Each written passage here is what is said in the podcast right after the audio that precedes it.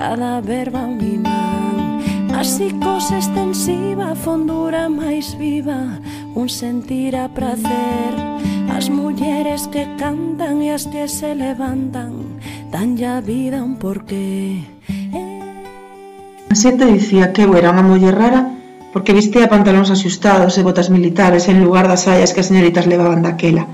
E aínda por riba, anda co pelo curto como se fora un rapaz murmuraban as miñas veciñas, e non dicía que eu andaba co crego nas viñas porque era meu tío, que si non... Pero ti me dirás, se non é para ser rara. Quedei orfa moi nova, era filla de militar e mandáronme desde Cádiz, onde nacín, a casa do meu tío Crego, a Lérez, don Leandro del Río, que a pesar de eso de ser Crego vivía cunha muller e dous fillos no convento, así que dime ti, e logo eu era rara. Todo porque eu non levaba saia, porque cortábame a mí mesmo o pelo ben curtiño e porque pintaba unha raya nos ollos ben longa, como a que levaba Listelo en Cleopatra. Mesmo lle sorprendía que andase por Pontevedra nunha bici adornada con fitas de cores, ainda que realmente o que a lle horrorizaba era que a mí non me gustaban os homes. Ese probablemente non me mandou a cadea na España gris do franquismo polo meu tío, que a pesar de tres fillos, mesmo con dúas mulleres distintas, era moi do réxime, e ata foi dos que andou polas escolas poñendo crucifixos que quitaran os republicanos por aquilo da escola laica. Eu tamén era mestra, non sei, non sei se volo dixen. Penso que por decir non dixen nin o meu nome. Chamo María del Carmen del Valle del Río, aínda que todo o mundo me coñece como Carmiña. Tin clases particulares en San Vicente e Cerponzóns, e sobre todo tiña pequenos que non podían pagar porque eu os que non tiña non lles cobraba. Digo, che que a escola foi o mellor que me pasou na vida. Porque onde os outros vía unha muller excéntrica, as criaturas son unha mestra, garimosa, entregada De feito, cando deixei a escola fuxín daquela sociedade que nunca me aceptou. Que pasei os últimos anos da vida rodeada de cans e gatos, que se estalles igual como vayas vestida.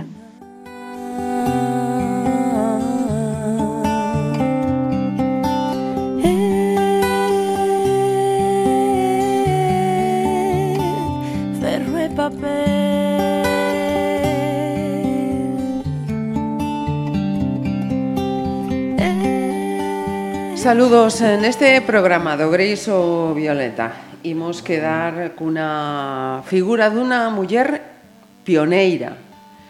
María del Carmen del Valle del Río, coñecida como señorita Carmiña. E para falar desta muller, rompedora máis, sen dúbida, temos nos estudios de Pontevedra Viva Radio a Juan José Esperón, que é o secretario da Asociación de Vecinos Ochedeiro de Cerponzóns. Eh, benvido, Juan José. Hola, bons días. E gracias eh, por uh, achegarnos, axudarnos a coñecer a, a persoa gracias, de gracias. Carmiña del Valle. Gracias a vos por a invitación.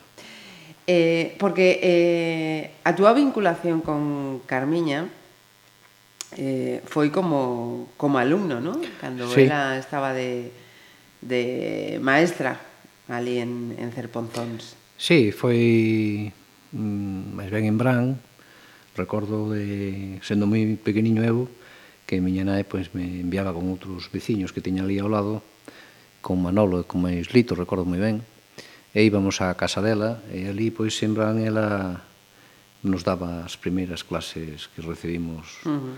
de pequeniño, sí. Escoitábamos en esa biografía algunhas eh, pinceladas da, da súa vida.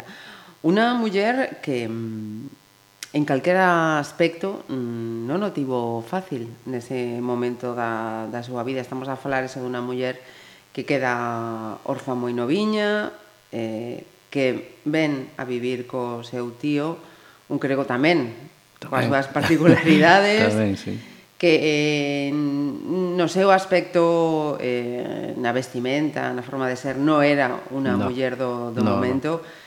Eh, tivo que ser eh, duro, ¿no? Facer fronte pois, a, a tantas vicisitudes. Sí, supoño que sí. Eu, claro, eu, eu era un neno en esas cousas non, non, as, non me fixaba nelas, non? Si me fixaba que era unha muller que non era en no aspecto dela eh, igual as demais. A miña nai, as veciñas, eh, a vestimenta dela marcaba algo. Algo me decía de que esa muller, pois para min, sendo un neno, eh, amigaba que xa estaba máis adiantada que nós nos tempos, uh -huh. que xa tiña outras outras miras. Uh -huh. E así foi que me marcou moito na, na enseñanza na pouca enseñanza que estuve ali, porque depois xa empecé no colexio, non? Uh -huh. Pero me marcou, me marcou moito a, a miña vida de, de, de pequeno de maior tamén, Ajá. Uh -huh. claro. Porque, eh, Juan José, eh, como comeza a, a túa vinculación neste, neste proxecto do Gris o, o Violeta? Ben, eh, comeza cando fai uns meses na Concellería de Patrimonio Histórico a cargo de Luis Bará, eh, organiza a exposición do Gris a Violeta. Eh, Mm, eu xa tiña pois, eh, falado coas compañeiras da asociación de facerlle algo a, a profesora Carmiña. E o noso interese por facerlle ese homenaxe á nosa veciña profesora pois, eh, acrecentouse con, con, mirando que ela estaba tamén, era unha das mulleres que ali se, se homenaxeaban non? Na, na Plaza da Ferrería. Uh -huh. eh, as palabras de Bará sobre as mulleres que ali foron homenaxadas eh, de poñelas en primeiro plano por todo, por o que pasaron nas súas vidas, pois eh, eh, foime moi, moi, moi adentro do, do corazón. Non? Uh -huh. entonces para moito de nós, eh, Carmiña foi a primeira profesora que tivemos. Foi unha muller que nos enseñou as primeiras letras e os primeiros números.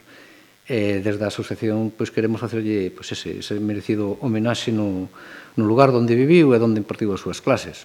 Pois unha placa, un cartel, eh, algo que, que este ali, que os maiores, eh, cando pasemos por ali, a recordemos, e cando os nosos nenos eh, e eh, nenas que, da parroquia pois sepan tamén eh, pois, o pasado desta muller, eh, pois se cadra pois, de algunha muller máis que, que hai na, na parroquia tamén. Non? Uh -huh. eh, é incomprendida por algúns, esta muller foi, como dicían, era moi rara, parecía un home, pintábase demasiado, vestía moi extravagante, fumaba, mira ti, fumar, daquela, claro. Pero ainda así, os veciños confiaban nela, eh, confiaban porque mandaban os rapaces a xunto dela. Eh, entonces algo tiña, miraban que estaba capacitada para empezar a enseñarlle aos, as primeiras letras, os primeiros números aos, aos rapaces. Uh -huh. eh, pois eh, os que a recordamos, eh, eu falando así con veciños, que a recordan, pois todo o mundo a recorda con moito respeto e con moito agarimo. Uh -huh. E tiña que ter algo especial cando a, a súa pegada quedan persoas da, da túa xeración, no? que a lembrades con, sí. con ese agarimo. Sí, efectivamente, é dicir, era un, era un ser especial en, en, en ese aspecto. Era algo diferente, era a primeira muller pois que eu eh, lembro con moito, con moito cariño por ese motivo, non? porque uh -huh. foi a, a que me enseñou moitos valores da, da vida. Uh -huh.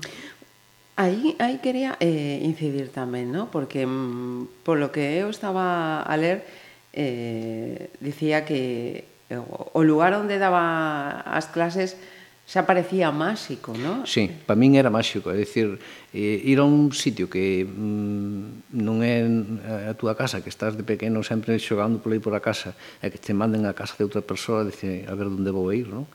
Entonces, eh, recordo que en verano, pois, ela eh, tiña ali un pequeno xardín, había feito un xardín eh, nun, nun hueco, nun coco, unha mesa con, con unhas bancadas, e, e ali estábamos, ali Eh, era unha zona para nós especial, claro, estábamos contentísimos de non era un típico colexio dunha casa metidos ali, non? Uh -huh e non só ensinaba números e letras, sino tamén, como dicías, eh, valores. Sí, moitos valores. Eh, un deles, por exemplo, o amor aos animais, porque ela estaba rodeada sempre de animais, de todos os animais, e, uh -huh. eh, que sufría, eh, se perdía algún animal, algún can, que tiña moitísimos.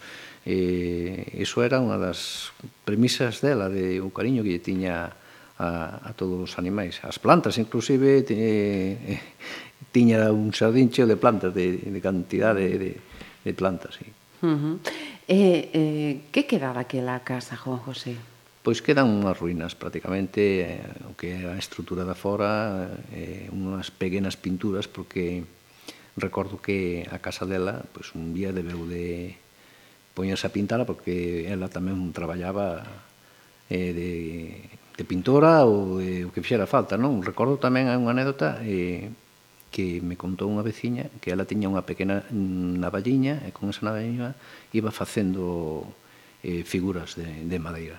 E a casa mm, me ven moito a mente porque eh, as pedras da casa estaban Mm, pintadas de cores. É dicir, cada pedra tiña un cor. Unha pedra vermella, a seguinte pois, era amarela, a outra era verde, a seguinte azulón, a outra vermella. É dicir, sí, a casa era moi, moi espectacular. Uh -huh. Pois imagínate, naqueles tempos, dicir, esta muller, esta muller está loca, que fixo aquí na casa, non? Uh -huh. Pero era un punto de, de diferenciación de, de como ela miraba a vida, seguramente. Uh -huh. E, e sin embargo, eh, parece que había eh, moita diferencia frente a esa vitalidade, eh, esos, eh, esos cores, da, da parte exterior e como era dentro, no? Tamén sí. podería ser un reflexo de si sí mesma.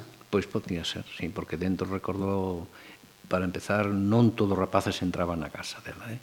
solamente con aqueles que tiñan unha, moita confianza, moito e tiña un cariño. E, e si a casa entrabas era un, máis ben um, oscura, tiña uns cortinóns mm, de color vermello, tiña aquelas paredes con uns cuadros enormes do seu avó que foi militar, tiña moitas armas, eh, tiña aquela cama con as cabezais de madeira que estaban traballados que, mm, con figuras de serpentes, dicir, impresionábache, impresionábache uh -huh. eh, ver desde fora aquel colorido e despois dentro eh, pois esa, ese, ese cambio total. Non? Uh -huh. Eh, dites moitas eh, anécdotas, eh, lembranzas de, de persoas da, da parroquia, non? Sí, sí. Que, sí. que teño... teñen a súa mente a, a Carmiña. Sí, teño que agradecerlle moito a, aos veciños da parroquia que colaboraron neste traballo, porque claro, eu, os meus recordos son moi puntuais, son recordos que, eh, a outros veciños lle pasou algunha outra cousa con ela eh, que me foron contando e eh, e os hai moi, moi graciosos tamén, sí. Uh -huh. Podemos escoitar alguno? Sí, eh, mm, hai un eh, que teño eh, que me, me causou moita, moita gracia que me contou un veciño, un moncho. Eh, é así, coméntame Moncho que unha vez, eh, xunto ao seu irmán Lito, un día fixeronlle unha trastada á súa veciña, a Carmiña, Resulta que eran nenos e cortáronlle unha orella ao seu gato, mm. imagínate. E ainda así eh, se recorda como se fose o seu gato, chamábase Chirolo. Pois ah, estuvo durante días a profesora Carmiña buscando por él, pois tiña as xuradas, e, aunque se levaba moi ben, que era mm, veciño o máis cercano, e, e recordo que me dicía Moncho, sabes, eu mm, sendo pequeno, sempre me asomaba a ver o que estaba facendo porque tiña a costumbre así en verano de cociñar fora tiña unha, unhas pedras ali e unha tixola facía a veces tortillas de pan encantaba, uh -huh. o rapaz encantaba a tortilla de pan uh -huh. e, e, e iba ali e daba un, un trozo de tortilla uh -huh. e, recordel tamén que de vez en cando pois a miraba facer como un rituais facía uh -huh. un rituais tiña como un gorro de lá como parecido aos que usan os peruanos, sabes? Sí. E ali a miraba ela facer pois uns rituais que non sabía de que iba a cousa, pero bueno, ali a miraba, así. Ajá. Una, una persona e de particular e, e de feito me contabas eh, que aínda hoxe eh, cando ven alguén eh, pues sí. iso, con, con un aspecto sí, diferente. que salga un pouco do, do habitual, xa lle queda aí, mira, esta parece esa señorita Carmiña, aunque pois pues, moita xuventud dirá eh, quen era a señorita Carmiña, claro, Ajá. pero bueno, quedou aí ese... Uh -huh. sí. Esa, esa pegada, es pegada desta, desta muller. Sí. Eh, cariño entre os nenos, eh, penso tamén que entre os veciños, ¿no? polo que estás a, a contar, sí, sí. a todas esas eh, diferenzas, pero era unha muller que tamén eh, guardaba as distancias, non? No... Sí, sí, é dicir, tiña o seu carácter, era un carácter que mm, mantiñas aquel respeto con ela, eh, pois, bueno, pois a súa condición sexual seguramente pois se indicaba de que pois, eh, tiña preferencia por as mulleres, non? Uh -huh E había algún veciño pois, que facían... Eu iso teño escoitado na, na taberna dos meus pais, non? Uh -huh. comentarios, de facer os veciños apostas entre eles, a ver quen iba á casa de Carmiña e poder uh -huh. entrar na casa dela, e bueno, E, bueno, pois sí, chegou a ver apostas e chegou algún veciño pois, eh, a acercarse á casa dela, pero Inmediatamente ela se... Saiu escaldado. Sí, sí, sí, sacaba de escopeta, porque tiña unha escopeta, pegaba dos tiros ao aire e o veciño corría por ali, por, por a corredoira que non me existía. Eh? Sí, sí, sí. No, no, tiña, tiña o seu carácter. Eh? Sí. Uh -huh. Eh, pese a todo, eh, lía tamén que, que nos derradeiros anos da súa vida estaba moi soiña. Eh, sí, eh, ela despois de estar en Cerponzóns estaría, pois, hai que me dice sobre 15, outros 20 anos aproximadamente, andaría por aí. Pois marchouse para Lérez, eh, ali estuvo coa, coa familia, pero despois se eh, foise quedando sola. Foise quedando sola e despois se, eh, quizáis porque era incomprendida por a maioría, porque se sentía mellor eh, pois, cos seus cans, pois se foi encerrando, foi quedándose cos seus cans e os seus gatos, e non quixo saber moito máis eh, da vida. Mm. Eh, faleceu no 91. Sí, no 91. Eh, foi unha, unha morte no mes de, de decembro, uh -huh. recordo que fora no mes de decembro, e, eh, sei que no funeral acompañaron a pé, que non se doitaba xa a facer, pero uh -huh. levaron a desde a súa casa á igrexa de Lérez a pé uns veciños, sí. Uh -huh. E, e Juan José, eh, dende a asociación eh, comentabas que estades a, a preparar unha expo exposición na que Carmiña terá o seu oco. Sí, nos unha das premisas que temos na asociación pois é eh, en colaboración co Concello de Pontevedra pois é de, no local social que temos un novo local social de ter eh, pois é, nas paredes do local pois é, unha exposición de fotografías antigas eh, pois e, uns guións de, de esas eh, significado desas fotografías, non? da historia da, da parroquia en sí. E tamén pois queremos poñer algún persoaxe, entre eles, por suposto, vai estar Carmiña. Uh -huh. Eh, temos datas ou hai eh, está o tema está aí facéndose, pero non hai datas porque queremos facelo ben, é un traballo que leva o seu traballo porque eh, a da asociación somos poucos, uh -huh. temos a nosa vida, eh, temos que ir levando poquinho a poquinho, sacando informes, sacando... Eh, bueno, a veces a vista xa non pode máis de tanto que andamos investigando por aí. Ajá. Pois, eh, Juan José, moitas gracias por achegarnos a estes eh, micrófonos a figura de María del Carmen del Valle, a señorita Carmiña. Carmiña. Moitas gracias. Gracias a vos, moi amable.